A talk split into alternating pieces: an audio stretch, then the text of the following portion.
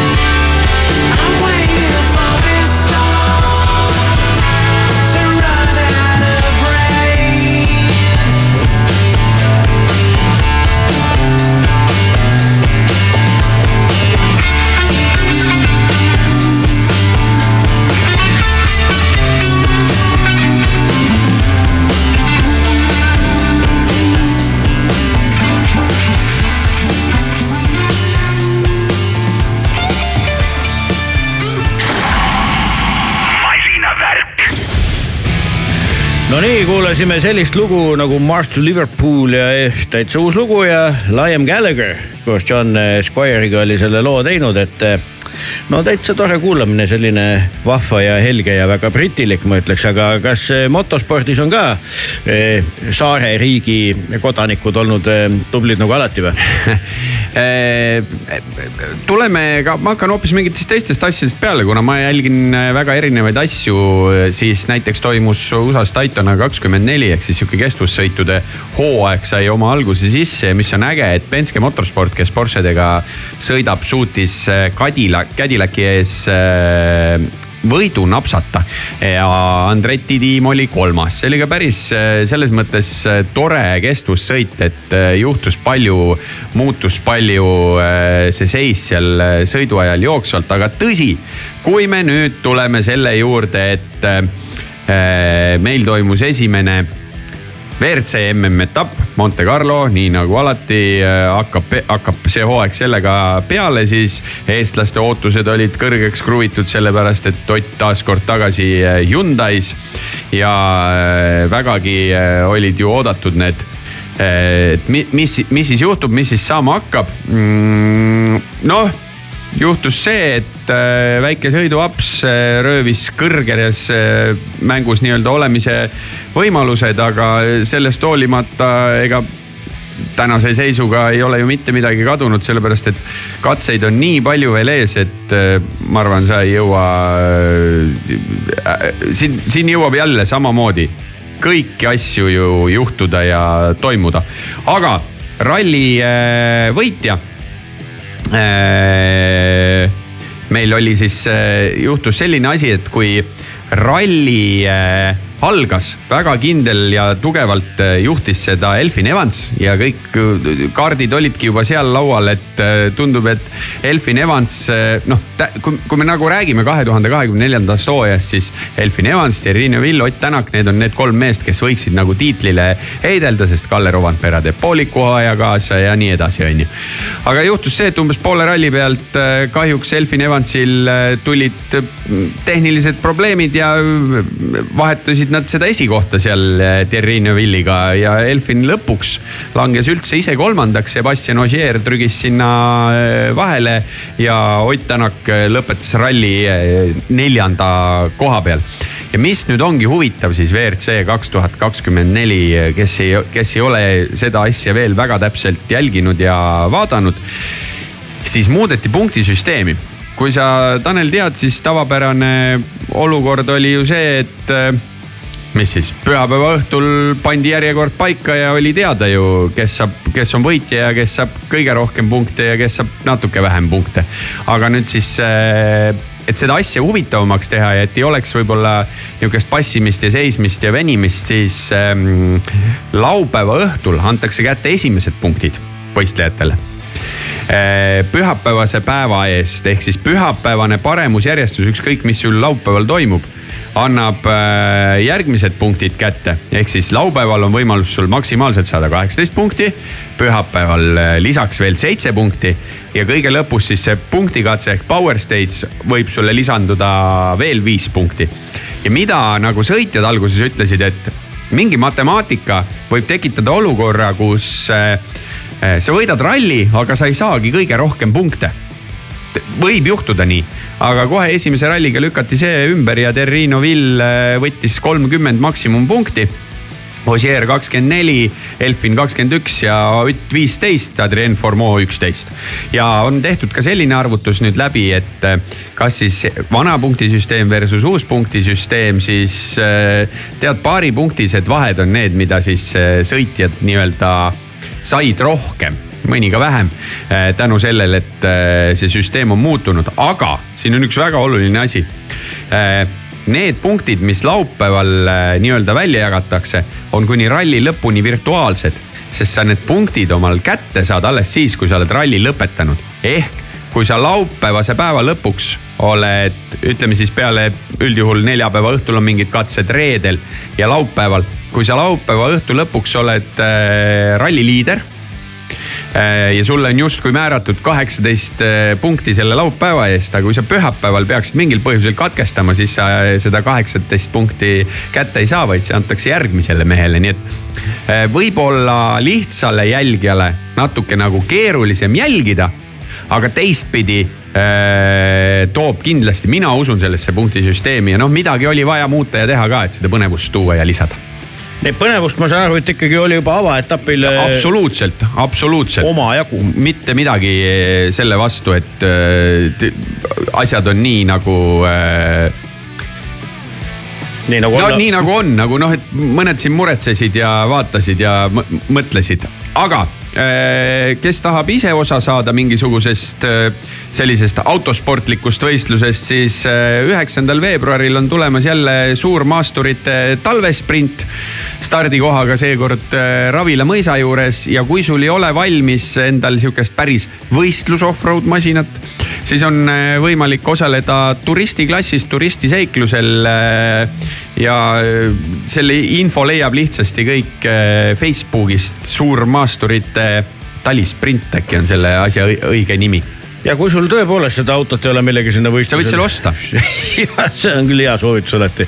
aga mm, kui sa isegi ostmiseni millegi, noh ei jõua lihtsalt, on kiire kogu aeg, siis ikkagi kuula head äh, rokkmuusikat mida me siis oleme siia ikka üritanud teile vahendada ja nii ka seekord, et selline legendaarne vana nagu Scott Stapp kas sa tead niisugust tüüpi? Mõigu Kekk jääb vastuse võlgu. ansambel Creed oli kunagi üks selline. jaa, nii. nüüd, kes on uuesti, uuesti muideks kokku tulemas, selle solist on ju, kes vahepeal oli pahuks siis äh, nii iseenda kui ka eluga. aga nüüd on kenasti tagasi ja võib-olla siis sellest ajendatuna on tal ka selline lugu valminud, mis kannab pealkirja Dead Man's Trigger, mis nüüd just välja tuli, nii et kuulame siis ikkagi tegelikult ikkagi lahedat laulumeest ja head laulukirjutajat Scott Stappi tema uue looga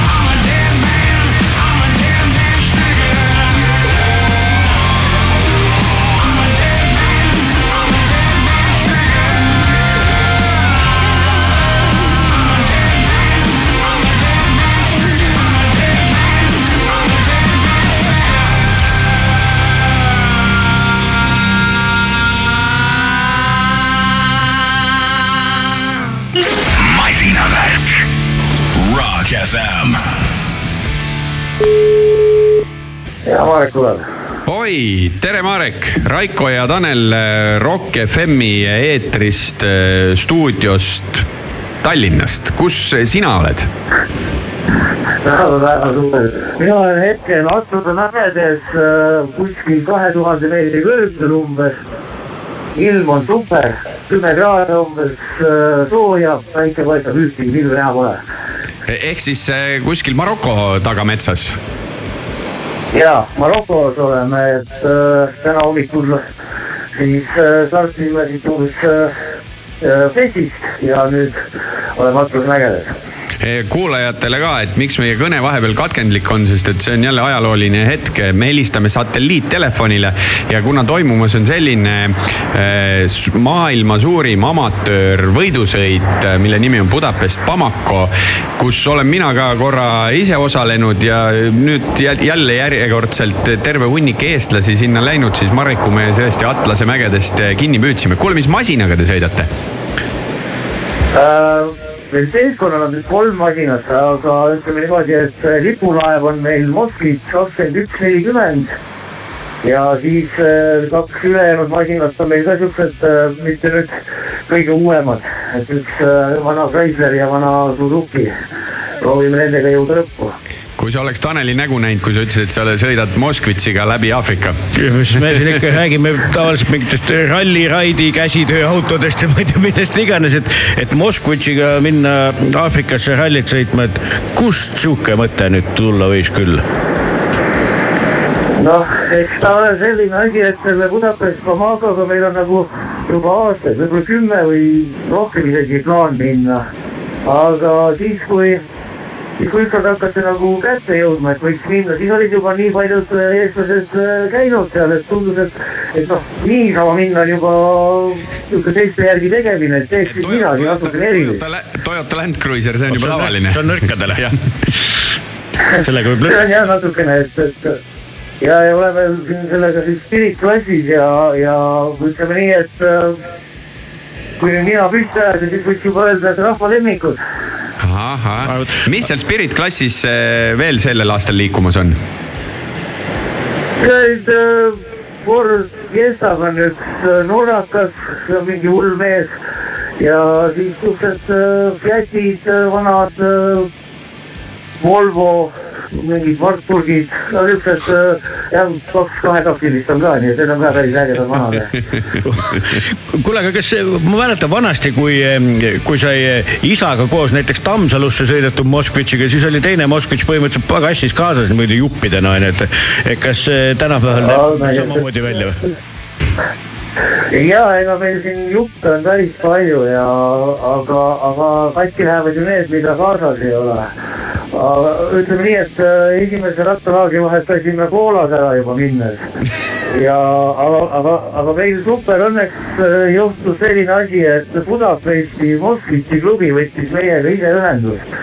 Nad on nüüd meie suured fännid ja siis äh, päev, mis meil Budapestis oli aega äh, ajasime nendega raasi ja nad putitasid meil ka regulaatorid äh,, peenhäälestasid ja, ja tegid muid asju, nii et meil masin super hästi praegu sõidab noh, võib-olla tuleb õhtul veel pump ära vahetada, aga seda vaatame.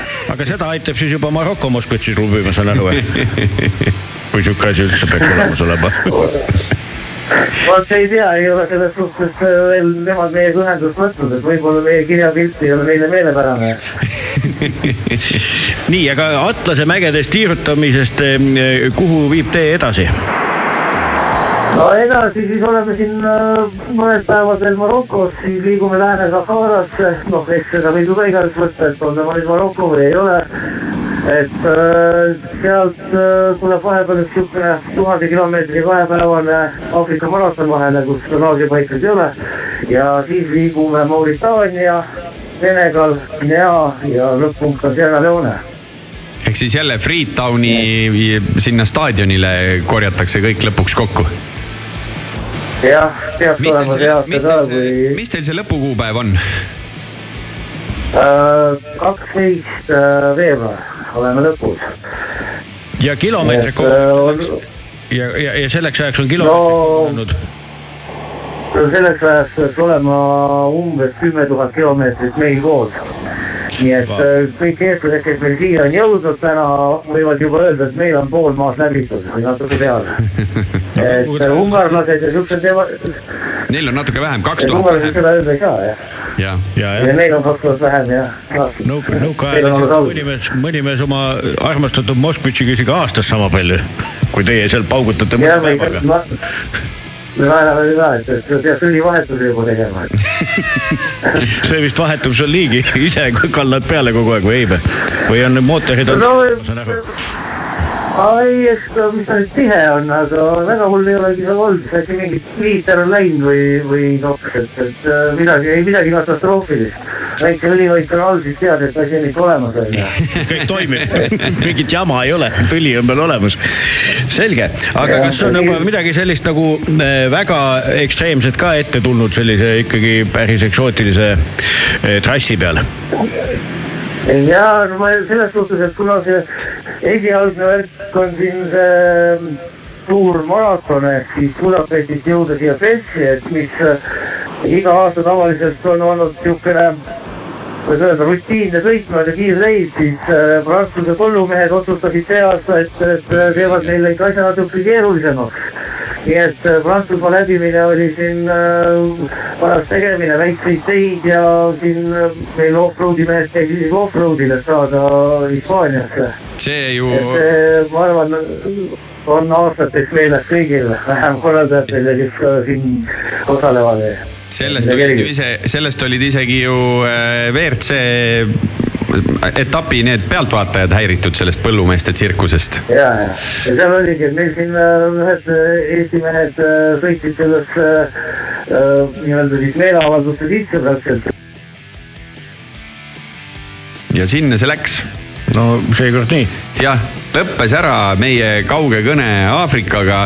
meeleavaldusse sõideti sisse, aga ma arvan, me võtame Mareku meestega veel korra mingisugusel ajahetkel ühendust ja kontrollime, kuidas neil eh, eluolu siis eh, on ja kui kaugele nad jõudnud on. Neil on veel pikalt sõita. Rock FM peab seda telefoniarve ära maksma. jah ja., võib-olla saigi limiit otsa, me ei tea. kohe tuleb, koputab direktor ukse peale oh. -oh. aga mis me kuulame? Kuulame siia sellise Aafrika jutu lõppu ühte sihukest ka täitsa uut lugu. bändiks on Bayside ja looks on Castaway.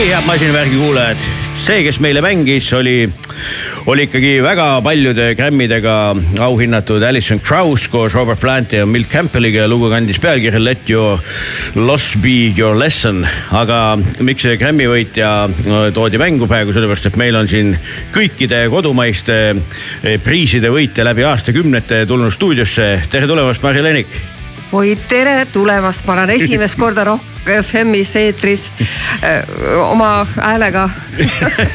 No vot, vot, vot, ega meil siin juhtub asju, eks ole, et, et, et ei ole tavapärane ju ka tõesti võib-olla, et, et et sellised inimesed kõik siin Rock FM stuudios kokku saavad, ega see ju teebki selle. masinavärgi saatele on antud eraldi usalduskrediiti, mida me täiesti tuimalt ära kasutame. ja me hakkamegi ju hoopis nüüd äh, vastuoksa sellest, mida inimesed võib-olla ootaks. me hoopis küsime meie kõige kohustuslikuma küsimuse. millega tulid? autoga, millisega? punasega kõige naiselikum vastus auto. aga sa ükskord näitasid mulle seda punast autot ja seal oli mingi kolmetäheline lühend, ütlesid vaata, vaata, see on see sportvariant. see on see G-sport variant jah. G-sport, hakkame jõudma ja see viitab siis omakorda, et tegemist just on ühe punase Toyotaga. on küll nii. Corolla siis jah, täitsa uus Corolla, Toyota Corolla GR Sport. minu dokumentaalfilmist jäi meelde selline lõik, kus sa ütlesid eh, uhkusega hääles, et sul on olnud neli isiklikku sõiduautot, kas vastab tõele? jah, see on nüüd viies. see on nüüd viies jah? kas eh, autode valikul on sul olnud kuidagi, kas noh, põhjaliku inimesena, kas sa kuidagi kaardistad ära, mida sul on vaja täpselt, mis tingimustele peab vastama või kuidas need autod sinu juurde on jõudnud? No see sai alguse autofirmast, kes müüs äh, Toyotasid. ma üheksakümne neljandal aastal äh, ostsin sealt äh, esimese punase Toyota Corolla, mis kandis numbrit neli, neli, neli. ahvel seda Tallinna linnas kõik teadsid, sest seda äh, ja Eestiski, sest et seda auto üleandmist mulle nagu ajakirjanduses väga palju äh, nagu kajastati, tehti pilte ja siis see oli ikkagi väga uus mudel, siis meil niisugust autosid siin nii palju ei olnud ma ostsin selle siis sellepärast, et mu eelmine auto äh, Žiguli null kuus varastati ära. Selle ma sain autoostuloaga kaheksakümne neljandal aastal. Ja ka load on mul nelikümmend aastat olnud. Ja ja see varastati ükskord kaheksakümne kaheksanda aasta lõpus linnahalli äh, väravate tagant ära, kui ma salvestasin parasjagu Õnnemaad sel ajal ja siis saadi ikkagi kätte see, aga, aga teinekord varastati siis üheksakümne teisel aastal ja lõplikult vanalinnast, kus ma siis tol ajal elasin. mul on kusjuures linnahalli parklast varastatud autos kitarr nii et see on üks sihuke halva energiaga koht, ma ütlen. et jah, aga selge, aga, aga ja Žiguli autoostu luba, vot seda teemat me ei olegi käsitlenud, aga, aga vanemad kuulajad ju kõik mäletavad, et ei olnud ju nii, et lähed poodi ja valid, mis meeldib, on ju, vaid et, et pididki saama autoostu loa ja siis veel ka kõigepealt ootasid luba ja siis ootasid üldse, et seda autot saada, oli vist selline ja aeg. et autot saada tuli ka oodata ja selle võis anda sulle äh, ainult töökoht, selle loa. ehk siis sinu puhul Filharmoonia või? Eesti Riiklik Filharmoonia jah et äh, neid lube tuli nagu tohutult vähe seal võib-olla mm -hmm. üks aastas, et, äh, et. Kõlab täiesti absurdselt, see, see oli täiesti uskumatu, et äh, selline võimalus mulle avanes ja, ja eks ma hindasin seda. aga kas see, ütleme autojuhiload ja kõik see, et, et ongi, et, et sa kohe nagu tegidki kohe, kui sai, tegid load ära ja hakkasid kohe sõitma? täpselt nii oligi ja mm -hmm. kohe hakkasin sõitma ka jah, ja olen sõitnud kõik need nelikümmend aastat, sest auto on täiesti asendamatu abiline Eestimaal liikudes. noh, ma ei kujuta teistmoodi ette. ma ükskord sõitsin trammiga ka kui mul juba see punane Toyota Corolla oli ja ma läksin seda garaaži viima, mis asus Kadriorus, aga ise elasin vanalinnas. ja siis ma mõtlesin, et pagan, ma ei jaksa iga kord seda jala käia ka seda maad, et sõidaks paar peatust trammiga. Ada Lundari garaaži üürisin veel ja Ada nii kenasti pakkus seda ja, ja täpselt see ükskord, kui ma trammi astusin, mul ei olnud piletit tõesti ja ma ei saanud seda sealt kuskilt veel ostetud ka, nii oli kontroll ja ma sain kohe trahvi. ja sellest on möödas juba kolmkümmend aastat ja rohkem ma trammiga pole sõitnud. Ada Lundberg ja, ja Eino Baskin ütleksid selle kohta blamaaž. ma kujutan ette, kui, kui ikkagi eh, lugupeetud eh, eh, selline rahvakunstnik tol ajal, et ikkagi sellise asjaga vahele jääb. mul oli kavatsus trammipilet osta, aga ma ei jõudnudki. aga kas peale selle on sinu elus olnud siis, et kui küsid, et milline auto on hea, siis vastus on ikka, et punane või? no vaata, ma jäin sellele autofirmale, mis praegu kannab nime Elke auto mm, -hmm. jäin nagu truuks ja lojaalseks, et äh, minu vastu on alati seal väga kenad oldud ja alati olen ma sealt jälle mingi aja möödudes jällegi ostnud endale uue mudeli. ja ma käin kogu aeg autoga hoolduses ainult seal mm. -hmm. et mul on alati nagu selles suhtes nagu süda rahul, et kõik, mis vaja, on tehtud ja nii see on jäänud kas autos eh, on olulisel kohal ka nii-öelda helisüsteem, et kus kuulata valjult muusikat? Äh, kahtlemata ja see sound on väga oluline, mis, missugune autos ikkagi on, et mulle meeldib väga sõites muusikat kuulata. ja kui tuleb selline lugu, mis ikka paneb gaasi põhja vajutama, siis see on muidugi natukene ohtlik, eks ole, kiirus äh, võib minna üle piiri. aga mulle meeldib ka väga laulda autos ja harjutada. arvata võib, aga kas eh, need kiiruseületamised on vahepeal niimoodi miilitsonule ka silma jäänud, need tegemised või? et järjekordne paljastus lisaks sellele piletite sõidule on tulemas, ma tunnen. noh, võib-olla elus on äh, pa- ikka paar korda on juhtunud, aga üks, üks seik on hästi meeles, no te tahate seiku ilmselt kuulda. muidugi. no Mitte ainult meie ei taha, kuulajad tahavad. inimesed tahavad.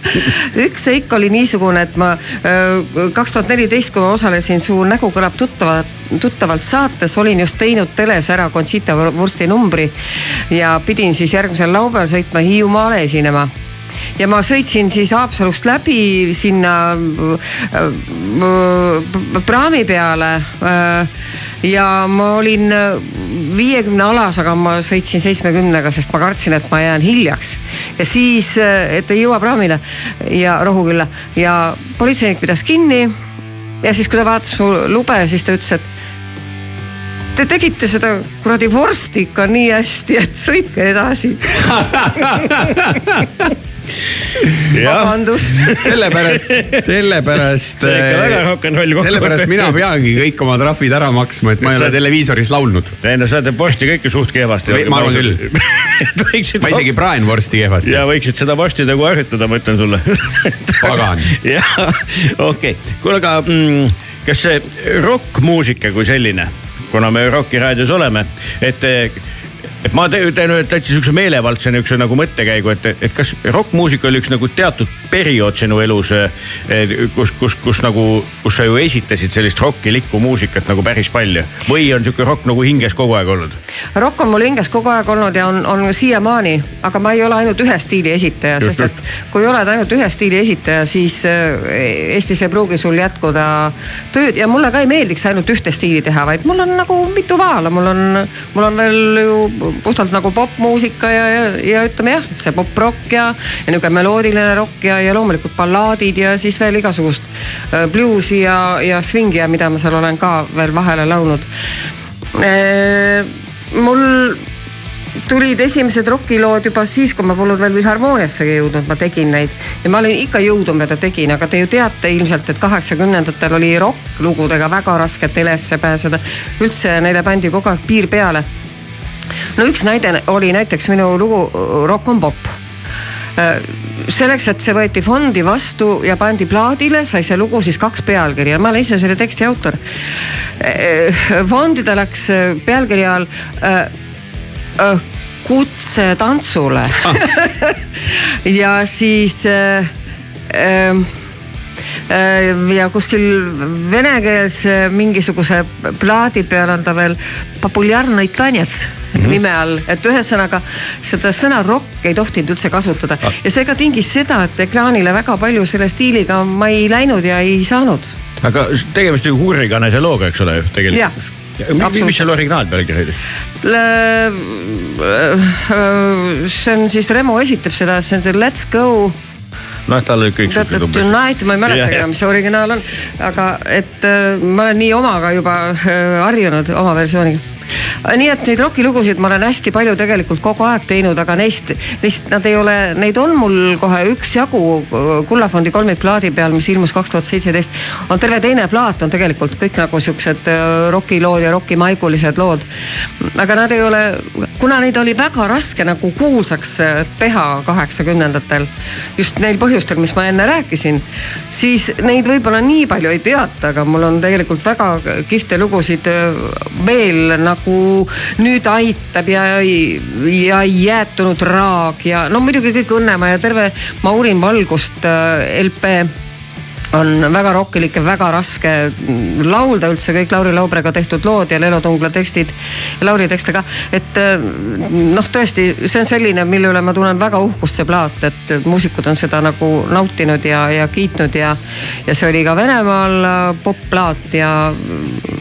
aga see on selline, et noh, mida, mida lihtsalt tõesti, mida igaüks ei laulagi ära, et see on tõesti viimase piirini kõik võimed ära kasutatud, et vot ja praeguseni laulan rokilugusid, aga kõige kuulsamaks sai Terast südamega mees. seda kuulame. seda kuulamegi kohe, sest et jah, tahtsimegi ju sinna jõuda, et ikkagi ma arvan, lugu, mida teavad ikkagi tuhanded ja tuhanded põlvkonnaüleselt inimesed on ikkagi. ja kuidas seda südame... toodi ka noorematele põlvkondadele läbi ühe tuntud telesaate, kus. aga sellest räägime peale seda, kui lugu. kuulame selle loo ära ja, ja tuleme selle juurde. masinavärk, masinavärk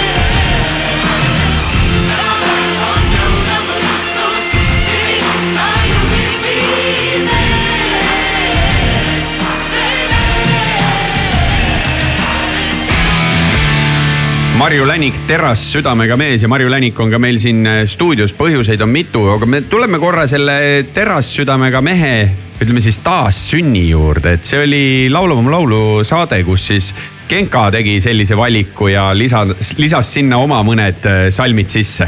ja Genka tegi salmidele räpitekstid hoopiski peale. Ja seal oli nii, et iga, igal lauljal oli üks, üks saade oli tema saade, kus siis teised laulsid tema repertuaari lugusid ja Genka valis selle terassõnuga mees ja õieti vist Maris, tema naine, soovitas talle seda võtta. Ja see oli muidugi noh, suurepärane, et ta seda tegi, sest et äh, siis see laul sai nagu uue hoo jälle sisse ja ma tegelikult laulan sest peale jälle teda ise ka kõigil esimesel. Genka sai ka siis kuulsaks, vaata. tänu, tänu sellele loole. ühele The Sunni loole sai ka kuulsaks, tegi. aga, aga siis ta tegi uue teksti ka, sest algne tekst oli siis Reet Linna tõlge, eks ole. algne oli jaa, alguses ma tellisin Reet Linnalt. jah, aga mis mehest ta kirjutas, tead ka või? Kellel see terassüda oli, terasest süda? no see terassüdaga mees, ega sellel mehel ei ole selles mõttes terassüdadel on, ma arvan, ikka tegelikult nagu küllast süda, aga see mees on nagu selline hästi nagu selline noh, hästi julge ja, ja, ja, ja tark ja selline. kus see mees elab, tead ka või? tänapäeval ma mõtlen ma arvan, et neid elab Eestimaalgi väga-väga palju. on nii jah okay.? ma arvan küll. ma mõtlesin, et see on ikka mingi konkreetne mees. Need on ikka kõik sellised väga sellised äh, asjalikud äh.... ja neid ikka on jah? no ikka on tore, seda on rõõm kuulda. minu meelest on ikka püha kohus ikkagi, kui võtta. kaks tükki on siin laua taga. no see, oi, vot, vot. kui praegu raadiokuulaja näeks, kuidas. mitte, mitte sinna ma ei jõuda. Tanel Panderi punastab. oi, mitte, no ja, ja, ja ikka tuleb ette, näed. aga mm, mitte sinna ei tahtnud palju. et eh, on ju ikkagi püha kohus rääkida, kuidas üldse välja ei tule meestel asjad. väga paljudel tihtilugu. ja isegi mingid dokfilmid on sellest tehtud, aga mitte sellest ei tahtnud ka me rääkida. aga äh, minu küsimus on see, et, et kohe-kohe loetud minutite pärast on ikkagi inimestel võimalik läbi ekraanide ja ka. Need, kellel, kellel pilet on, saavad koha peal. läbi oma silmade ja. vaadata, et eh, kas Terassüdamega mees eh, tuleb ka muusikaauhindade lavale esitlusele? kui ma nüüd võin natuke seda saladust poetada. õige pisut. õige pisut, siis ja ikka tuleb ja no, no selge, selge ja ma saan aru, et seal tuleb ikkagi põhimõtteliselt mõne minutiga terve elu kantakse ette. kui elust ainult tükike, sellepärast et äh, kogu elu laulude ettekandmiseks kuluks, ma ei tea. nädalaid mm,. ja, aga. peaks ikka tegema sellise soolokontserdi, mis algab esmaspäeval ja lõpeb pühapäeval näiteks iga päev natuke laulad. palju, Marju, palju sul repertuaaris lugusid on, kui tead sa umbes suurusjärku? ei, pigem ikka palju salvestatud üldse nagu jah, kokku on. jah, ja ei ma mõtlengi. ega ma ei olegi kõike salvestanud, salvestanud olen ma kuskil mm, paarisaja ringis aga, aga muidu repertuaaris ma arvan, et eks neid mingisugune nelisada, viissada, ma arvan. kas sul tekstid jäävad lihtsalt pähe või? jaa sellepärast, et kui on selline tekst, millel on ikka nagu mõte sees ja, ja loogika sees äh, ja selline sisu, millega ma olen päri siis see mul jääb ruttu meelde. sa nagu Need... mõtestad omale selle teksti ja siis kuidagi assotsiatsioonide läbi niimoodi absoluutselt, ma ei saagi, ma ei, ma ei oskagi nagu teistmoodi, kui mul või ma nagu ei tahagi teistmoodi mm, -hmm. et mul nagu on tekst on väga oluline mm. -hmm. ja noh ma, kui ei saa sellist teksti kohe nagu ma tahan, siis ma lihtsalt palun teha ümber või, või siis, siis teen ise mm -hmm. selle teksti tegija nõusolekul, et ma siis teen parandused nii, et see mulle sobib. ja see on alati nagu äh, olnud õige samm, sest et äh, see, ma nagu nii pikk kogemus on juba, ma nagu tunnen ära, tähendab, mis ja kuidas peab olema, noh, ma pean olema veenev, kui ma seda või teist sisu esitan tõsi, tõsi. ise uskuma sellesse. no vot ja seda kõike me saame ju siin, ma ütlen, loetud minutite pärast kõik oma silmaga näha. aga eh, rääkides tekstidest, et me palume alati ka eh, öelda mõne loo, mis nagu meeldib ja, ja siia lühikese intervjuu lõppu tuleb meil selline Ultima Thule lugu nagu Lennelda priiks. ja kas seal on ka see tekst on nagu see, mis sulle nagu no, või, või kõik kokku või, või...? selle laulu puhul on tegelikult nagu kõik kokku seda lugu kuulates isegi ei saa ma päris lõpuni sada protsenti igast sõnast aru. sest äh, Riho laulab natukene niimoodi noh, lohisevalt äh, sihilikult, eks ole, noh, see on stiilile omane ja see on äh, äh, lihtsalt äh, kogu tervik selles loos on, on noh, lihtsalt niivõrd hea, et ma ei väsi seda kuulamas, ma võin seda lugu kuulata lõputult ja punases äh, selles GRS või mis iganes see kombinatsioon oli, Toyotas läheb ikka, siis läheb küll kõvemaks alati autoraadio, kui see lugu tuleb no läheb, läheb muidugi läheb siis valjemaks siis tasub pühapäeval uuesti Rock FM-i peale lülitada kell üksteist, kui on see kordussaade, siis saad ka kuulata, et mis sa rääkisid ja, ja siis see lugu tuleb ka. ütleme kellaaja ka. see on kell üksteist vist on minu, on Raiko või? kell üksteist on kordussaade on ju. ma ise kunagi ei sattu kuulama selle. magad sellel ajal või? jah miks ei peaks? Et okei okay,, aga meie igal juhul väga-väga täname sind tulemast. me soovime sulle palju eh, seda terast südant ja külma närvi sinna lavale kohe varsti, nii et ja, ja, ja igasuguseid eh, selliseid loomingulisi õnnestumisi, sellepärast et eh, näiteks mõned päevad tagasi ma käisin eh, ka ühes raadiosaates rääkimas ja, ja, ja siis just küsiti selle panuse kohta Eesti muusikas, et kuidas sa selle kokku võtad ja mina ütlesin, et väga lihtsalt võtan kokku, et, et see ongi see, et, et milline nii-öelda jälg inimene, millise jälje inimene on jätnud oma eluea jooksul, et, et, et seda ei pea tingimata panema võrduma nagu elutööga. noh, elutöö on kuidagi, kui midagi on nagu läbi, on ju, aga sinu puhul on ju ilmselgelt tegemist salvestava, täies elujõus ja tohutus vitaalsuses artistiga. nii et eh, ma arvan, et panus Eesti muusikasse läks küll väga õigesse kohta. ma võin, ma vahepeal vaatasin järgi, vahepeal vaatasin õnnelik. järgi, et äh, see punane Corolla, vaata kõikidele autotootjatele on autovärvidele antud nimi, on ju siis äh, see on supersonic red ehk siis ülehelikiiruse Vau. punane. nii et jäta ja see meelde. panebki ju täpiks minema siit kohe Unibet Arena poole. suur aitäh ja uute loominguliste õnnestumisteni. suur aitäh ja ma väga tänan, et kutsusite, oli nii meeldiv. masinavärk.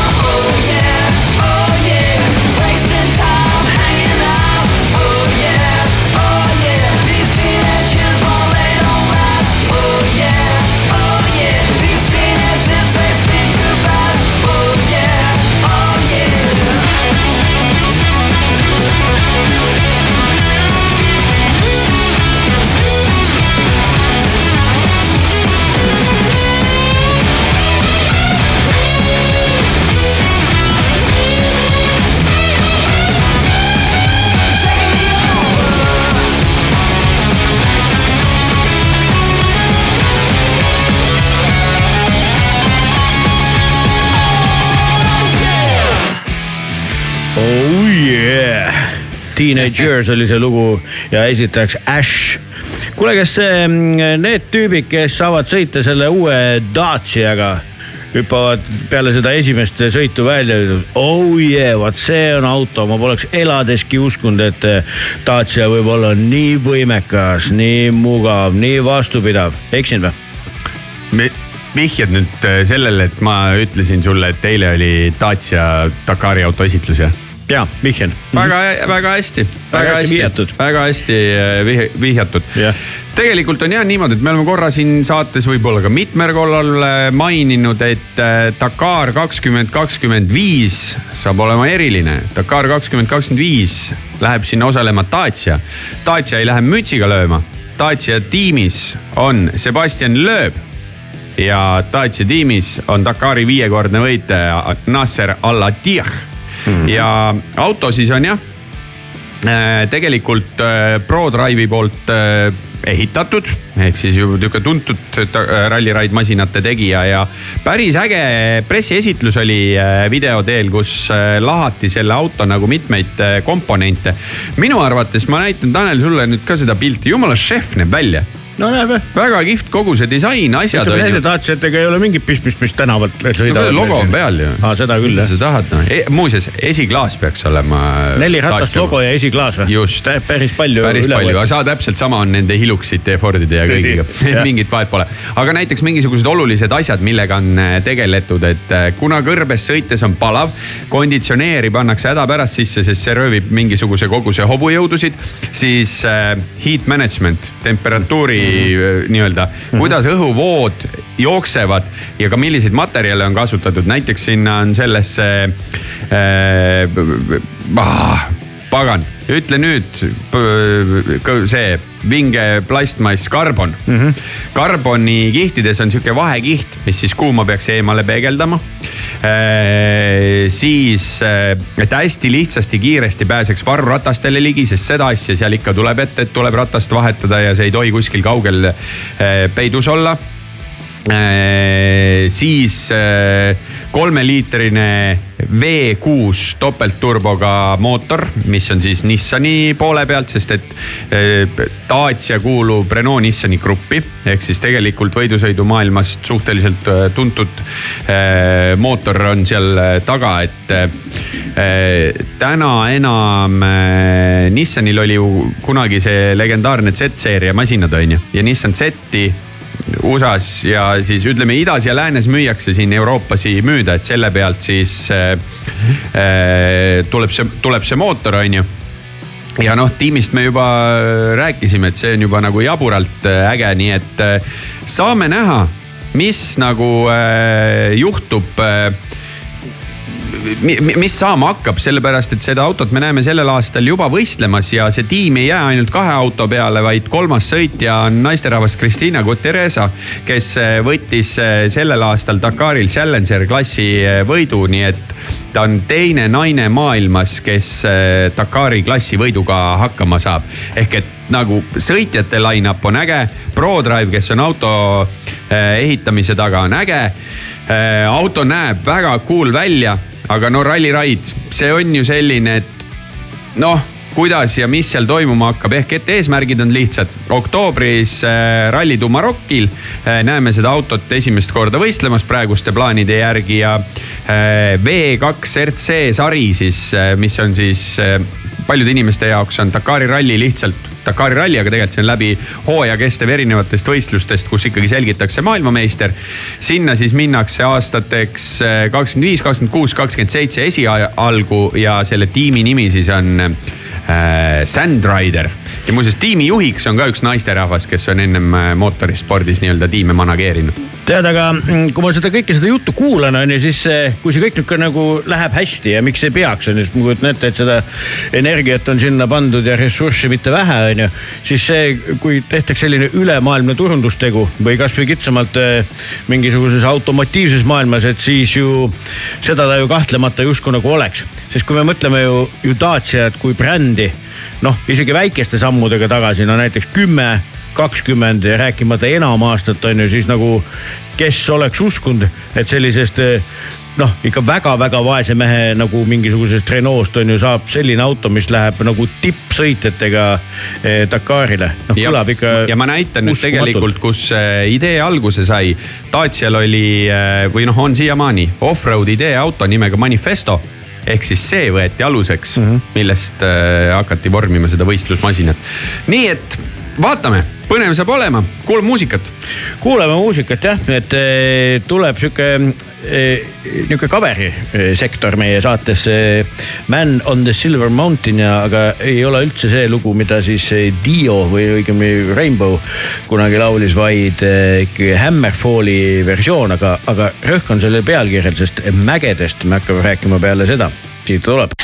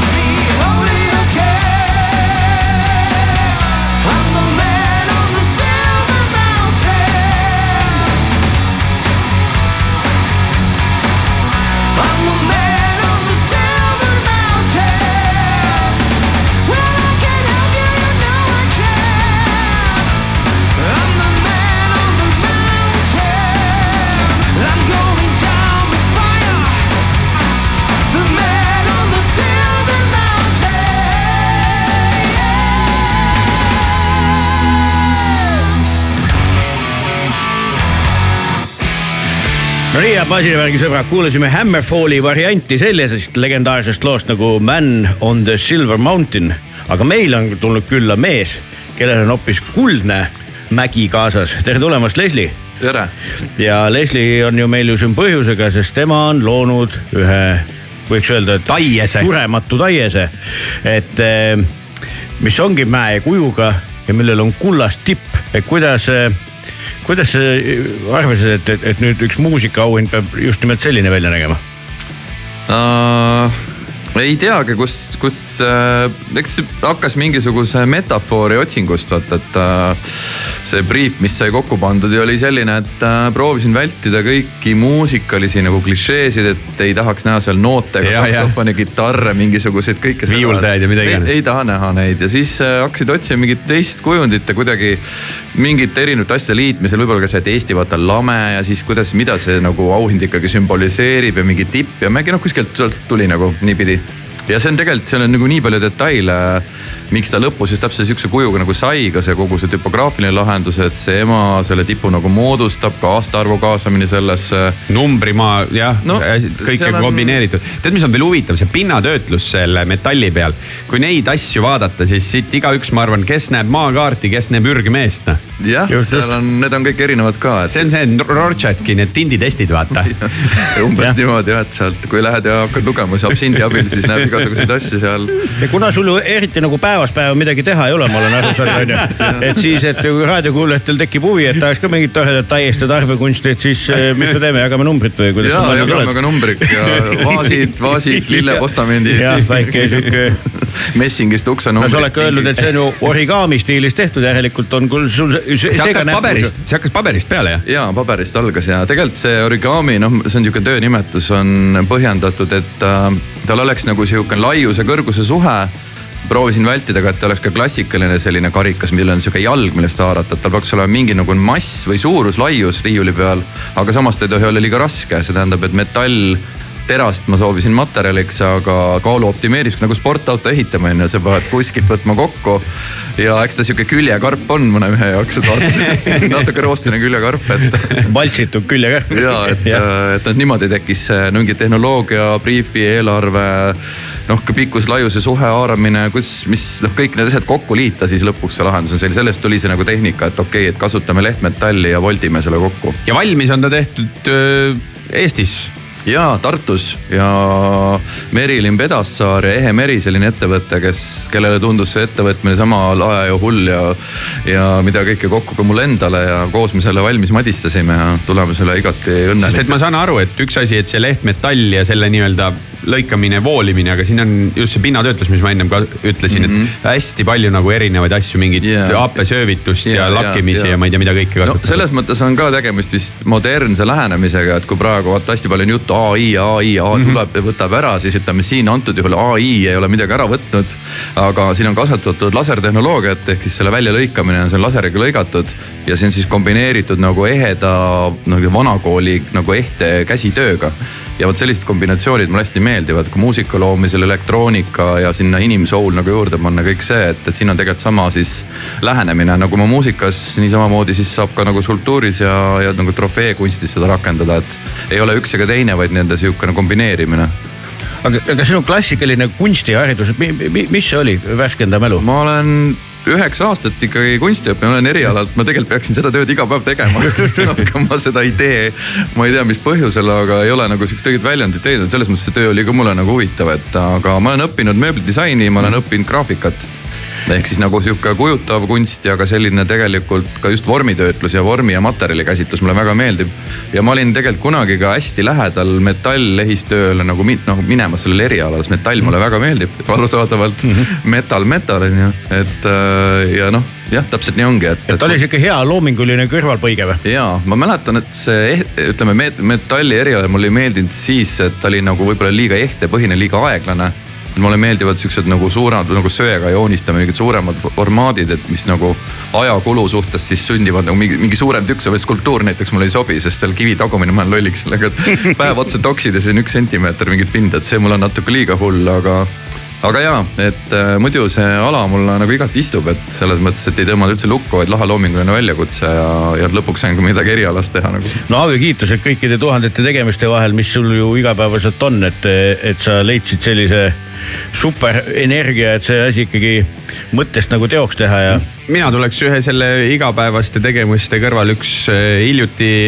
jõudis mulle Omniva pakiautomaati üks valge. See peaaegu nagu topeltvinüül mm, -hmm. aga te- teine oli sihuke väiksem seal kaasas mm. -hmm. just uus album tuli sul välja, aasta Jah, lõpus tegelikult juba. aast- eelmise aasta lõpus jah, see on kaks, õnnestus teha eelmine aasta kaks filmi soundtrack'i valmis ja üks ilmus neist nüüd digis äh, nagu albumina ja teine siis ka füüsiliselt, et äh, Triin Ruumeti Tumedale paradiisile sai tehtud mitmeid lugusid ja siis noortefilmile Tähtsad ninad sai terve mm -hmm. soundtrack ja siis üks, ühe siis äh, kombineerisin Triinule tehtud lood ja veel oma mingid varasemad audio, video, mingi produktsiooni asjad, mida ma ei ole varem välja andnud avastasin neid kõvakettalt nagu kümneid, et mul on teinud igasuguseid asju veel, mis üldse nagu ei ole kuskile sobinud või mahtunud või välja jäänud. Ja siis komplekteerisin jah ühe sihukese kaheteistloolise albumi, millest kümme lugu siis on nagu seitsmetollise vinüüliga nagu lisalugudena kaasas mm, -hmm. kuna kontseptsiooniliselt mulle tundus, et need ei sobi kümnesele, vaid peab ikkagi veel rohkem raha kulutama jälle kuulajale veel ja veel, veel rohkem peale maksma. ja kõik said ju endale sinna selle käsitsi sinu väikse bassi. Ja lisaks, et oleks elu liiga lihtne, siis sai kogu ümbrus veel trükitud eraldi mingite, see noh, see on täiesti mingid maniakaalsed levelid tulid lõpuks, et kuna see on filmimuusika, siis need kleepsud, mis seal ümber selle mm. -hmm. albumi, need on tehtud kolmekümne viie millimeetri kõrgused. et vihjena, seal on ahah, nagu neid peidetud alltekste Seda- nii palju, seda ma ei teadnud.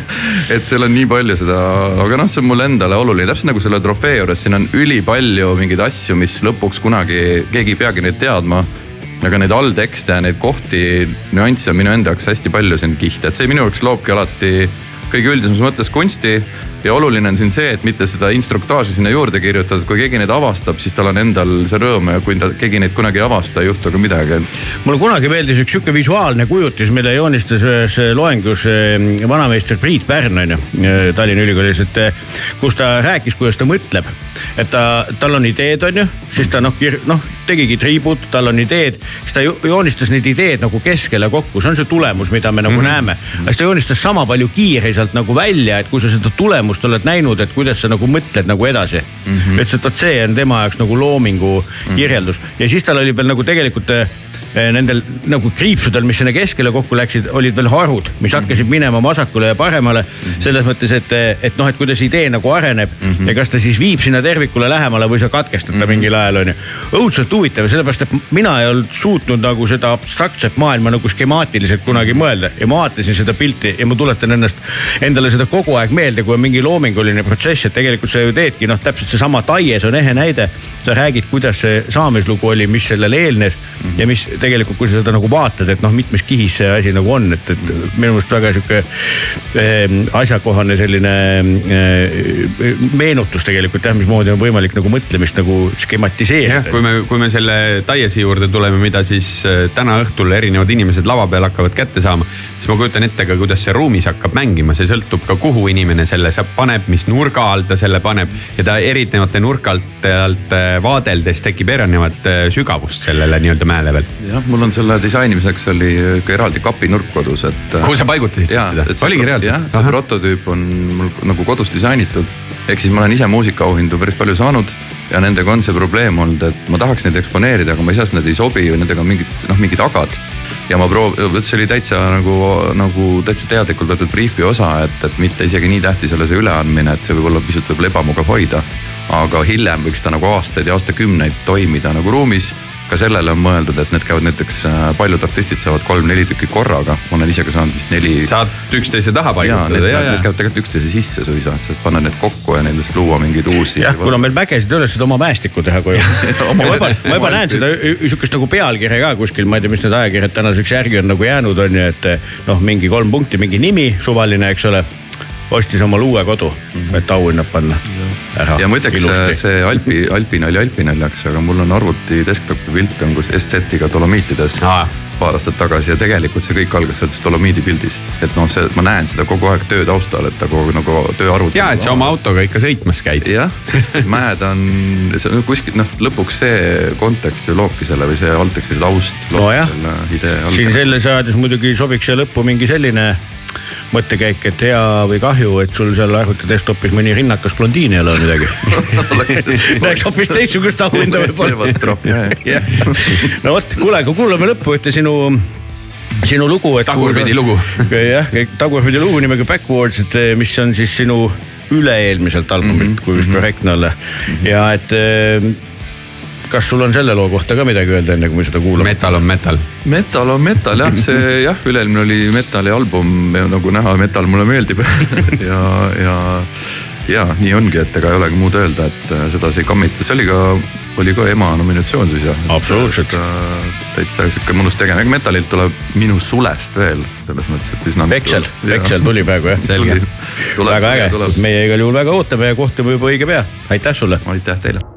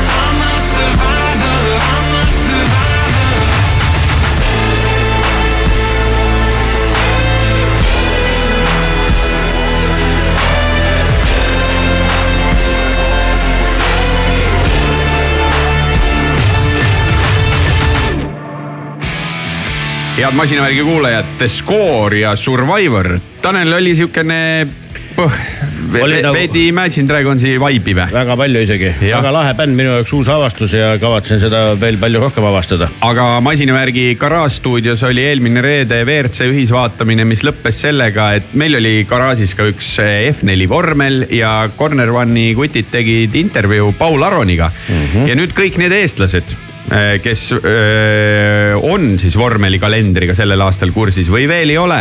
Teil on võimalus minna suhteliselt öö, mugavalt, mõnusalt, kaks käed taskus ühe ülivinge paketiga F1 ja seal on ka F2 esimene etapp Bahreinis, see on, algab seal siis ütleme veebruari viimasel päeval, kahekümne üheksandal.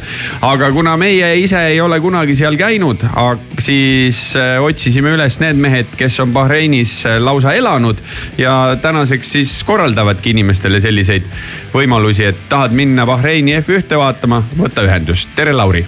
tere ühesõnaga kirjeldasin ma nagu õigesti, et inimene pöördub teie poole, maksab mingisuguse summa X ja siis tal on seal lennukipiletid ja hotellid ja vormeli raja äärde piletid ja kõik olemas.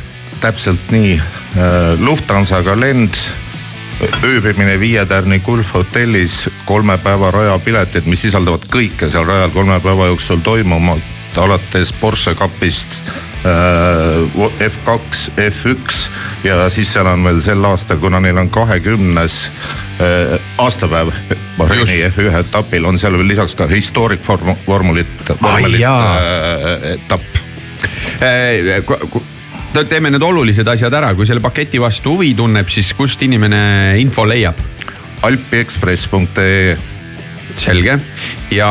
seal on telefonid, numbrid, kõik, kõik asjad olemas. kõik, kõik mm -hmm. on olemas. ehk et äh, kahekümne, ma juba otsisin kiiresti välja ka, kakskümmend seitse veebruar tuleb kodunt ära minna hommikul vara ja kuuendal märtsil jõuad äh, koju tagasi ja selle sees on siis kõik äh, see kirjeldatu. Lauri, aga mi, mis seos sul Bahreiniga üldse on, miks sa, miks sa oled võtnud nõuks, et eestlasi Bahreini viia?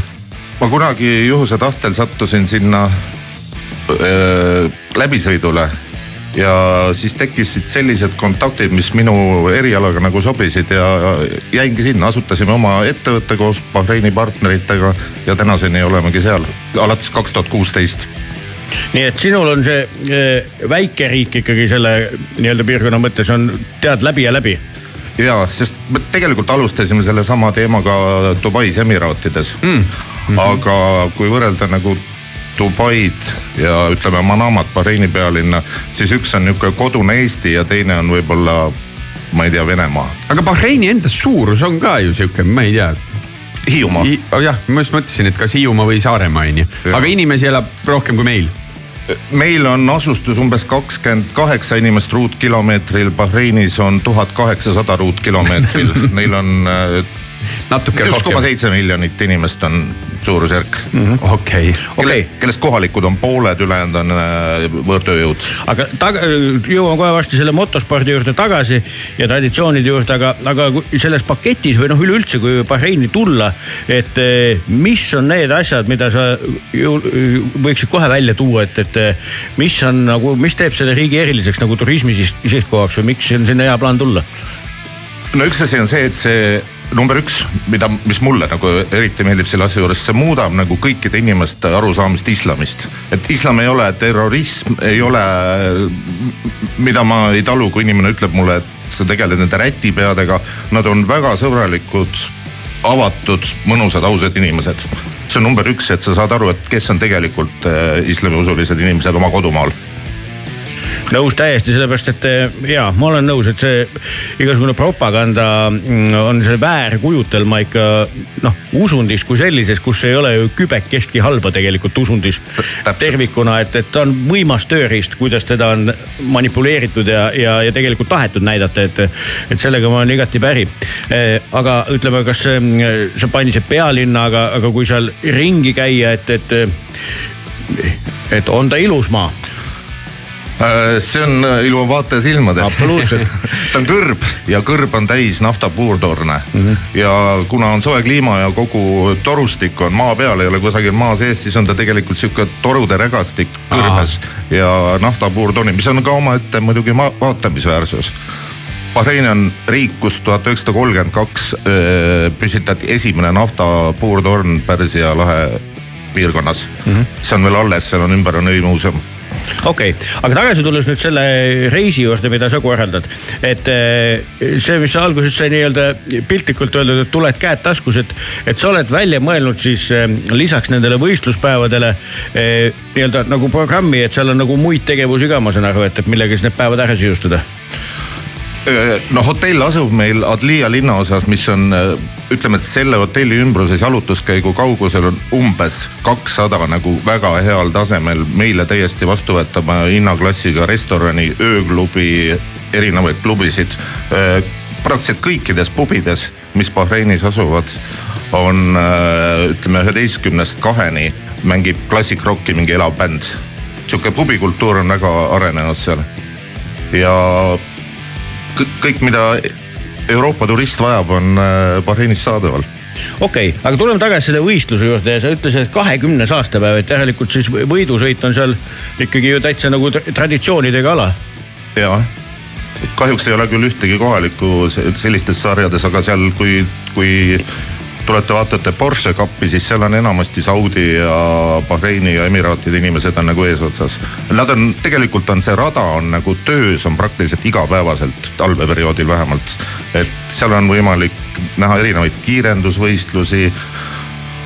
võib ise, sa võid rentida auto, võid sinna sõitma minna, ma olen käinud jah, see Bahreini ühesõnaga asukohast tingituna on olukord, kus äh, tihtilugu äh, käiakse seal väga palju event'e tegemas. Bahreini rajal on samamoodi need Porsche Experience ja igasugused sellised asjad toimumas, et lisaks võistlustele on tegelikult võimalik jah, igalühel ka sellest äh, rajast osa võtta. ja kui vormelirajast rääkida, mis siis tõesti esimene F1 GP peeti seal äh, kaks tuhat mis ta siis kaks tuhat neli on ju, kakskümmend aastat saab, siis ta on äh, viis koma neli kilomeetrit ja päris sihuke põnev äh, rada ja ma vaatasin, et te- teil on piletid sellele University Grandstandile, suurele Just. tribüünile, kus äh, näed sirget ja kohe järgneb tegelikult šikaan, et see on päris hea vaadatavusega, seal on vist vastaskurvi ka tegelikult veel näha on ju. ongi, ta on peale nagu esimest kurvi on, sa näed esimese kurvi lõppu Just. maha pöördumise, see on koht, kus tavaliselt juhtub midagi, kui juhtub. ja siis eest lä- läheb läbi nihuke pikem sirge, teeb taga šikaani ja tuleb uuesti just just, just, et see, see University Grandstand on ka siukene ütleme, Magus koht, et magus koht, kus äh, vaadata just see esimene kurv on ju see, kui mida kõik, kui need masinad sealt äh, stardist koos tulevad, see on see hetk, mida iga selline võidusõidu äh, fänn ootab. kuule, aga ekraanid ja kõik ju toetavad seda nagu absoluutselt, absoluutselt, kogu info, kogu info on sul silme ees. nii et, et sa oled ikkagi maalinud pildi sellisest eh, motospordi fanaatiku unelmast, kui nii võib öelda. ma arvan küll, kogu nädalavahetus veel lisaks sisaldab väga tasemel meelelahutust, seal on põhimõtteliselt on see nagu festival. kahjuks pean ütlema, et viimastel aastatel ei ole enam rokkmuusikat seal olnud. aga noh, kunagi on Santana näiteks olnud seal. Vau. kuule, aga küll oled aga sina meid ikka tõelisesse valgustatusesse toonud, sellepärast et ma arvan, ma julgen öelda küll. maailma esmaesitlus Rock FM-is. ja et, et Rock FM-is ma julgen ikkagi jah väita seda, et, et ilmselt nagu Bahreini bänd ei ole küll kunagi mänginud ja sa võtsid kaasa sihukese satsi, mis kannab nime Motor Militia. just. Need on su suured sõbrad, ma sain aru. võin nii öelda isegi jah. jah, ja tähistavad seal rokki ja metalit teha, nii et seda nägu no see on minu meelest nihuke puhas trash. mm. -hmm. aga sa mainisid veel mm, nii-öelda eetriväliselt, et eh, seal on toimumas küll suur rokkfestival. iga-aastaselt on Bahrain Rocks, mis on Tilmon Clubis mm. -hmm. ma ei tea, kui suur ta on, aga Bahraini mõistes on ta suur. lahe üritus, jah, on rock n rolli mitu päeva. kaks päeva.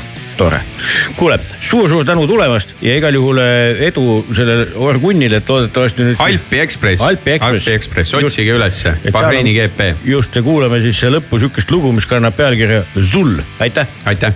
aitäh. masinavärk.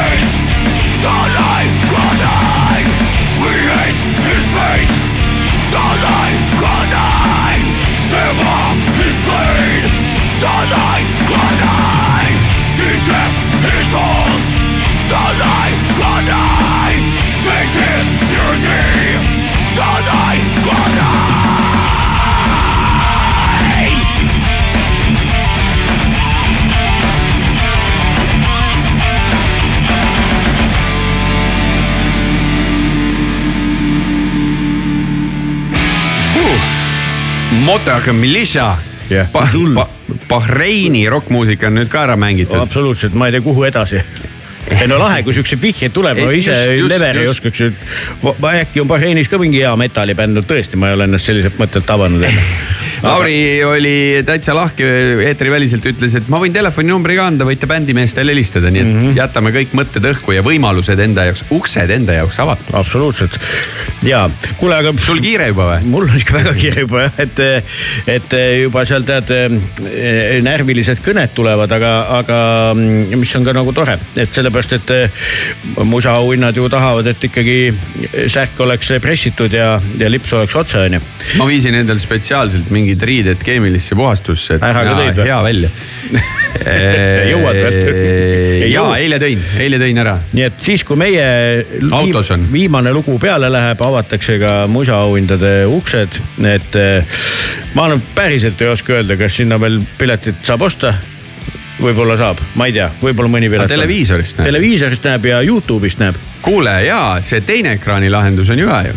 see on päris raju jah, et eh, see eelmine aasta tegelikult oli selles mõttes nagu äge, mida vaatas üle kahekümne tuhande inimese onju.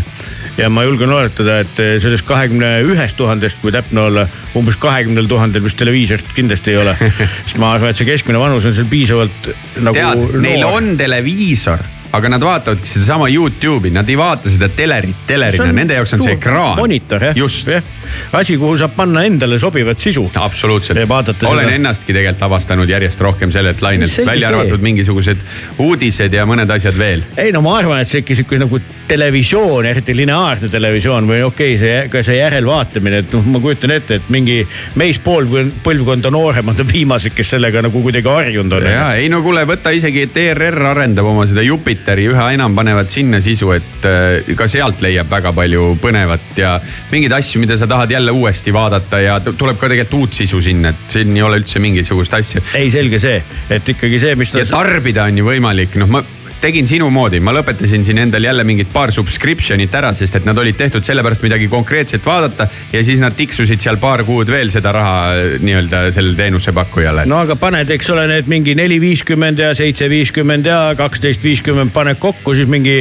neli kümpi kuus ja viis sotti aastas, et päris palju Jah. raha päeva lõpuks on ju. mul, mul, mu esimese auto liising oli äh, üheksasada Eesti krooni, kolmkümmend tuhat krooni, ma kaks tuhat eurot auto ja maksin siis põhimõtteliselt sihukest raha auto eest kuus, mida siin mõni maksab subscription eid endale.